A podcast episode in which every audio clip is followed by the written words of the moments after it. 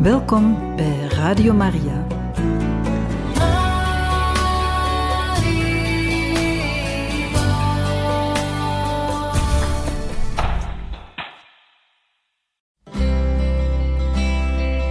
Welkom bij Boekat, een programma van Radio Maria.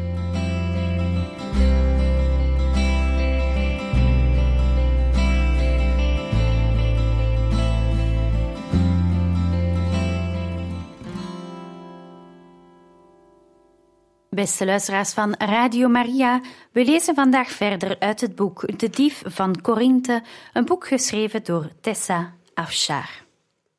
We zijn aangekomen aan hoofdstuk 19.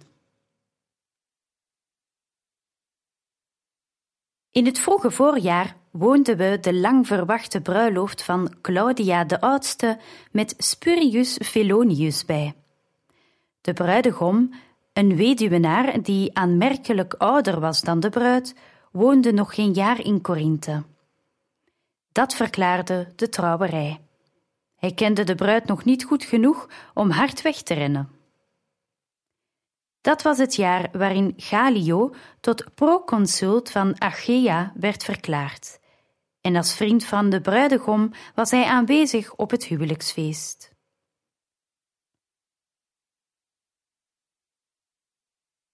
Lucius Junius Galio was een magere man met spataders op zijn benen, die klaagde over de lucht in Corinthe, waar hij hoofdpijn van kreeg en die zijn spijsvertering verstoorde. Hij praatte de halve avond over zijn gezondheid, een neiging die hij tijdens de hele duur van zijn tweejarig termijn niet kwijtraakte. Hij mocht dan geen vermakelijke bruiloftsgast zijn, maar de aanwezigheid van een proconsul, al was het een hypochonder die op irritante nasale toon praatte, gaf veel cachet aan de feestelijkheden.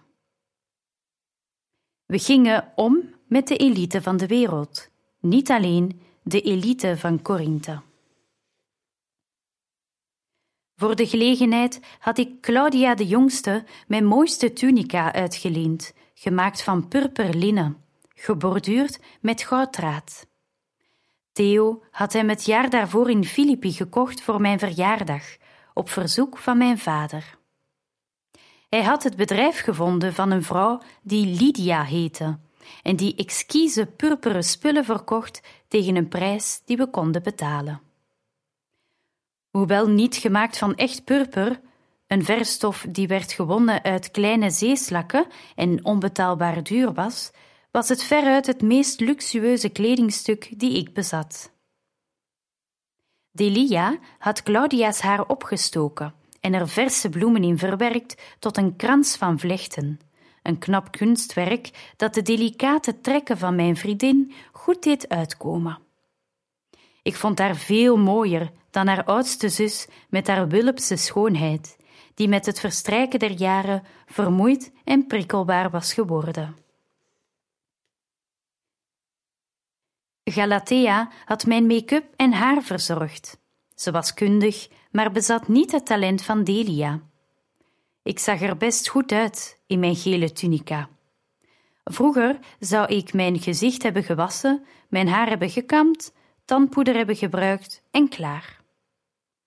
Door Delia was ik meer veranderd dan ik wilde toegeven. Ik kon het ooglid dat met vaardige handen donker was gemaakt, onderscheiden van het oog, dat opgemaakt was door een ongeïnspireerde bediende. Ik gaf er weinig om hoe ik eruit zag. Ik putte mijn blijdschap uit Claudia's stralende vreugde. Het was de eerste keer dat ze haar in de bloempjes gezette zus de loef afstak. De eerste keer dat ze dure kleren droeg in plaats van de tweede en derde hands afdankertjes van oudere zussen. Tijdens het banket kwam Justus naar me toe. Nobel van je, zei hij, en hij hief zijn kelk naar me op. Wat? Niet alle vrouwen laten vriendelijkheid en ijdelheid gaan. Het was goed van je om je mooiste tunica uit te lenen aan je vriendin. Verward door zijn compliment, waaraan zijn gebruikelijke snufje ironie ontbrak, sloeg ik mijn ogen neer. Toen ik weer tot mezelf gekomen was, vroeg ik: Is er nog nieuws van Dionysius? Justus pakte een handvol amandelen van een passerend blad. Ik had het vreemde gevoel dat hij probeerde tijd te winnen. Ik heb hem al een paar maanden niet gezien. Heeft hij je niet geschreven? Jawel, ja. Hij lijkt gelukkig. Al zijn aandacht wordt in beslag genomen door een of andere nieuwe filosofie. Je weet hoe hij kan opgaan in kennis. Hoorbaar blies ik mijn adem uit. Ik hoop dat er vrouwelijke filosofen zijn in Athene, anders vindt hij nooit een vrouw. Justus lachte. Zo erg is het ook weer niet met hem. Ik bestudeerde de bruid en de bruidegom die op de ereplaats zaten. Spurius Felonius slingerde lichtelijk toen hij zijn kelk weer vol schonk. De waterkruik liet hij staan. Zijn nieuwe echtgenote speelde met een ketting van parels, een huwelijksgeschenk van haar bruidegom. Ze had niet één keer gelachen in al die tijd dat ze daar zat. Het kan erger, zei ik. Dionysius zou met de verkeerde vrouw kunnen trouwen en de rest van zijn leven ongelukkig zijn. Ik bedacht dat ik de vrouw van mijn broer nooit zou ontmoeten als hij inderdaad verkoos te trouwen.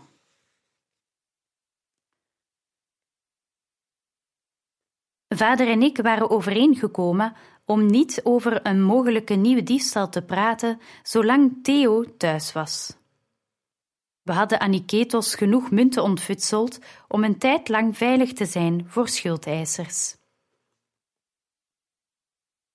Iedere diefstal vereiste zorgvuldige planning, onderzoek en voorbereiding, en we wilden geen tijd verliezen aan zulke dingen, nu we Theo bij ons hadden. Hij ging nauw genoeg weer op reis en dan zou hij maandenlang wegblijven. Nadat ik Claudia's blijde transformatie op de bruiloft van haar zus had gezien, gaf ik Theo een paar munten en vroeg hem die opzij te leggen. Ga terug naar het bedrijf van die vrouw, die Lydia. Ga erheen en koop een tunica voor Claudia de jongste. Ik wil haar verrassen met een geschenk. Theo keek me strak aan. Ik hoop dat dit geen misplaatste poging tot koppelen is. Mijn genegenheid voor Claudia is die van een vriend. Het zal nooit iets anders worden. Begrijp je dat, Ariadne? Nooit. Mijn hart. Mijn hart behoort haar niet toe. Dus hij begreep niet zo weinig van vrouwen als hij voorwendde. Natuurlijk niet, zei ik. Ik koppel niet. Het geschenk is van mij niet van jou. Hier in Korinthe hebben we niet zulk mooi purper als dat van Lydia. En als we het wel hadden, zou het twee keer zoveel kosten als ik het kan betalen. Omdat je toch van plan bent om naar Filippi te reizen, hoopte ik dat je het niet erg zou vinden om me deze kleine dienst te bewijzen.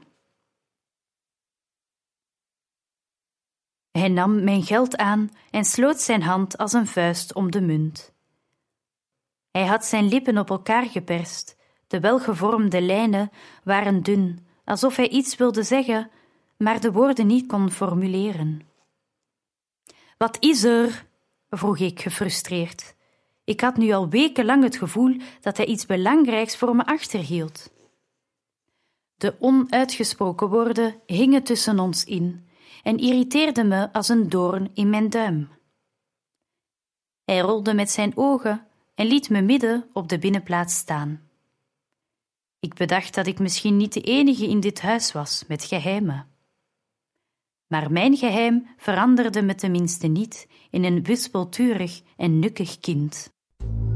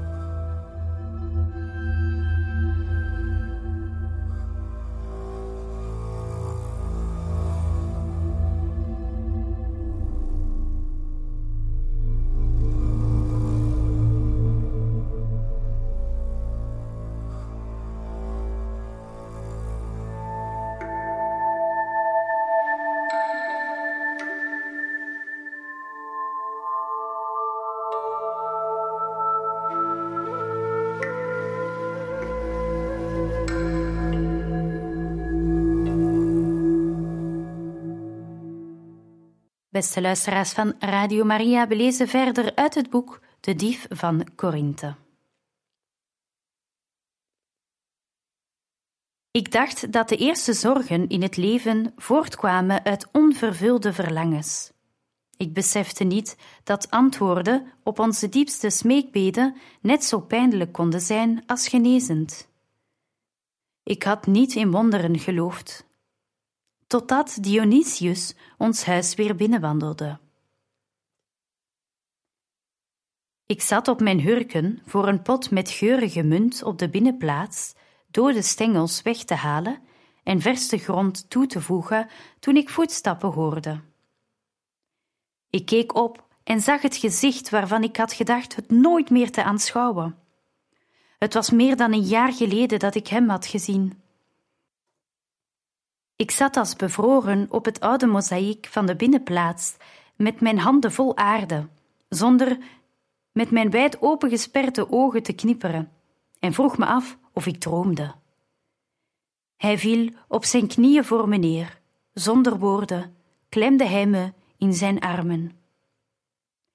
Een eenvoudige omhelzing kan wel sprekender zijn dan woorden.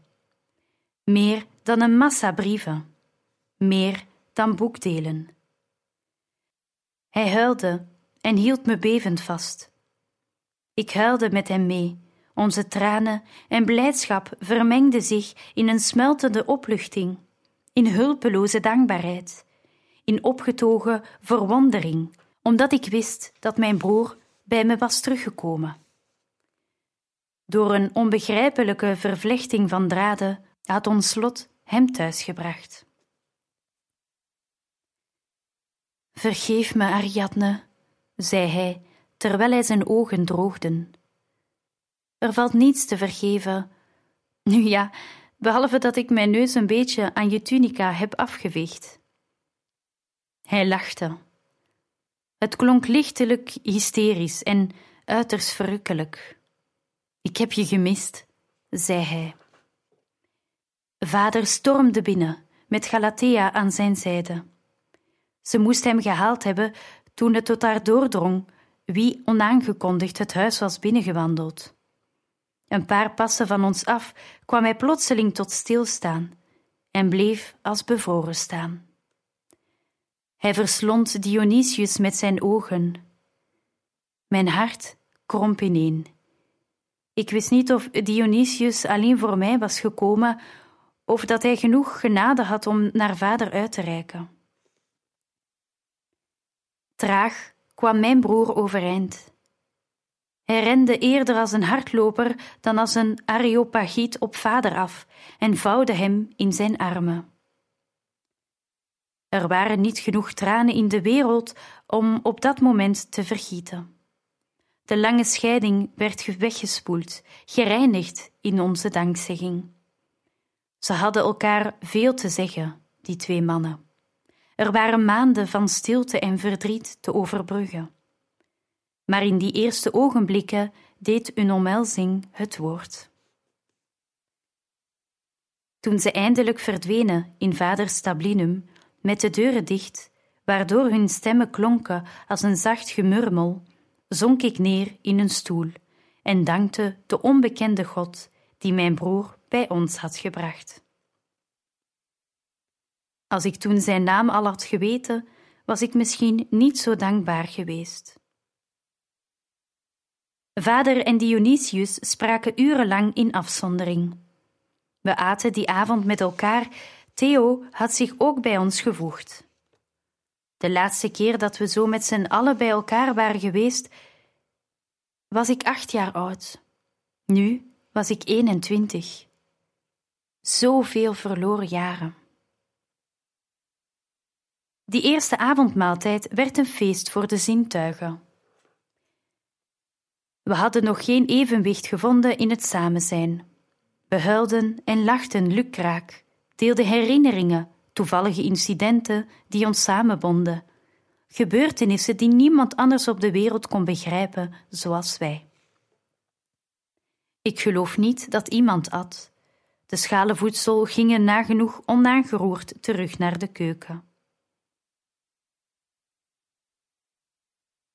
Toen ik uitgeput in bed kroop, drong het tot mij door dat in alle uren die we samen hadden doorgebracht, nog mijn vader, nog mijn broer iets had gezegd over de oorzaak van Dionysius' veranderde ideeën. Er gingen enkele dagen voorbij en er tekende zich een nieuw patroon af in onze huishouding.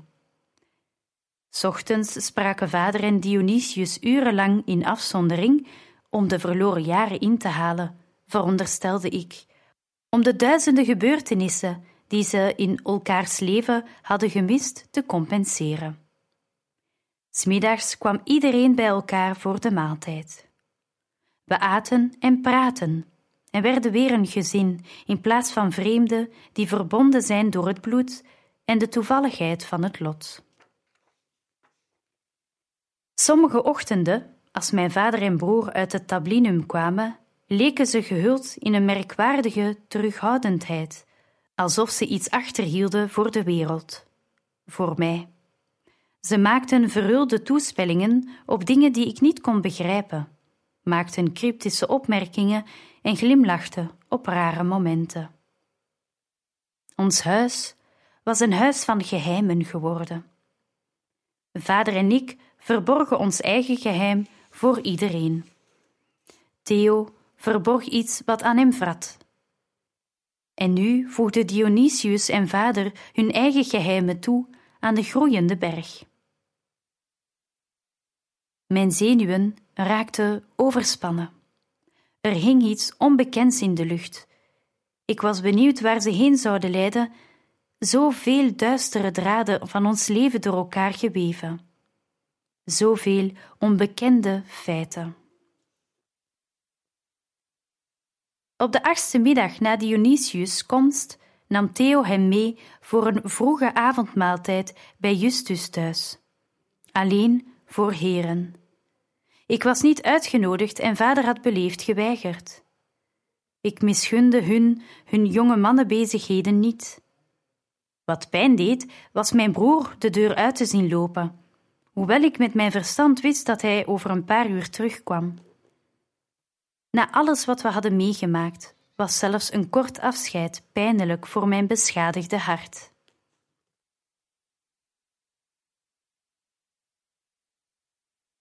Ik nam plaats op mijn favoriete bank op de binnenplaats. Hij was gemaakt van schilverig marmer en er liepen grote barsten door het midden, die we verborgen met een verscheidenheid aan kussens. Toen ik nog klein was, probeerde ik me onder de bank te verstoppen voor mijn moeder. Vader kwam bij me zitten. Dionysius heeft voor morgenavond een vriend te eten gevraagd. Justus eet ook mee. Wie is het? vroeg ik. Een Paulus van Tarsus, een Jood die kort geleden naar Korinthe is verhuisd, een Fariseer. Wat is dat? Een geleerde man van hun geloof. Doen ze zaken samen? Het leek me de enige plausibele verklaring voor het feit dat mijn broer in deze tijd een vreemde bij ons thuis had genodigd. We hadden Justus nog niet eens te eten gevraagd, omdat we eerst onze eigen relaties wilden verstevigen, voordat we de deuren van ons huis openzetten voor buitenstaanders. Zo kort na Dionysius' terugkeer waren slechts onze allernaasten welkom in ons midden. Ze zijn bevriend, zei vader. Dionysius heeft me veel verteld over die man. Ik verheug me erop hem te ontmoeten. Het is een gelukkig toeval dat hij op dit moment in Corinthe woont. Hij reist uitgebreid rond, heb ik begrepen. Bevriend? Waar hebben ze elkaar ontmoet? Ik kon me niet voorstellen dat Dionysius iets gemeen had met een godsdienstige Jood. In Athene, maar dat verhaal moet Dionysius jezelf vertellen. Ik wilde je alleen waarschuwen dat je morgen gasten kunt verwachten. Er was een grote Joodse gemeente in Korinthe. Ik had meerdere leden ontmoet, maar stond met niemand op intieme voet. Ik herinnerde me echter één relevant feit. Zij houden zich toch aan een speciaal dieet, die Joden. Wat moet ik de kok laten klaarmaken voor die man? Dionysius heeft me verzekerd dat hij niet kieskeurig is met eten. Dus hij is niet erg godsdienstig, die.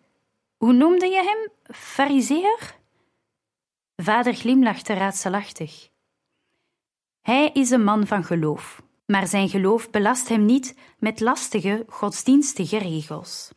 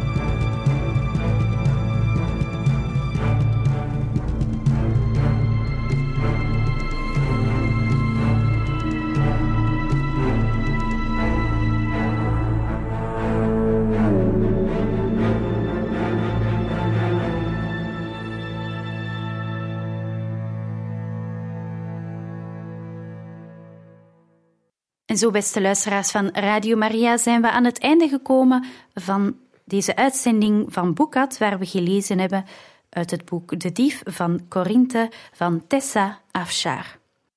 In een volgende uitzending zullen we verder horen over het bezoek van Paulus.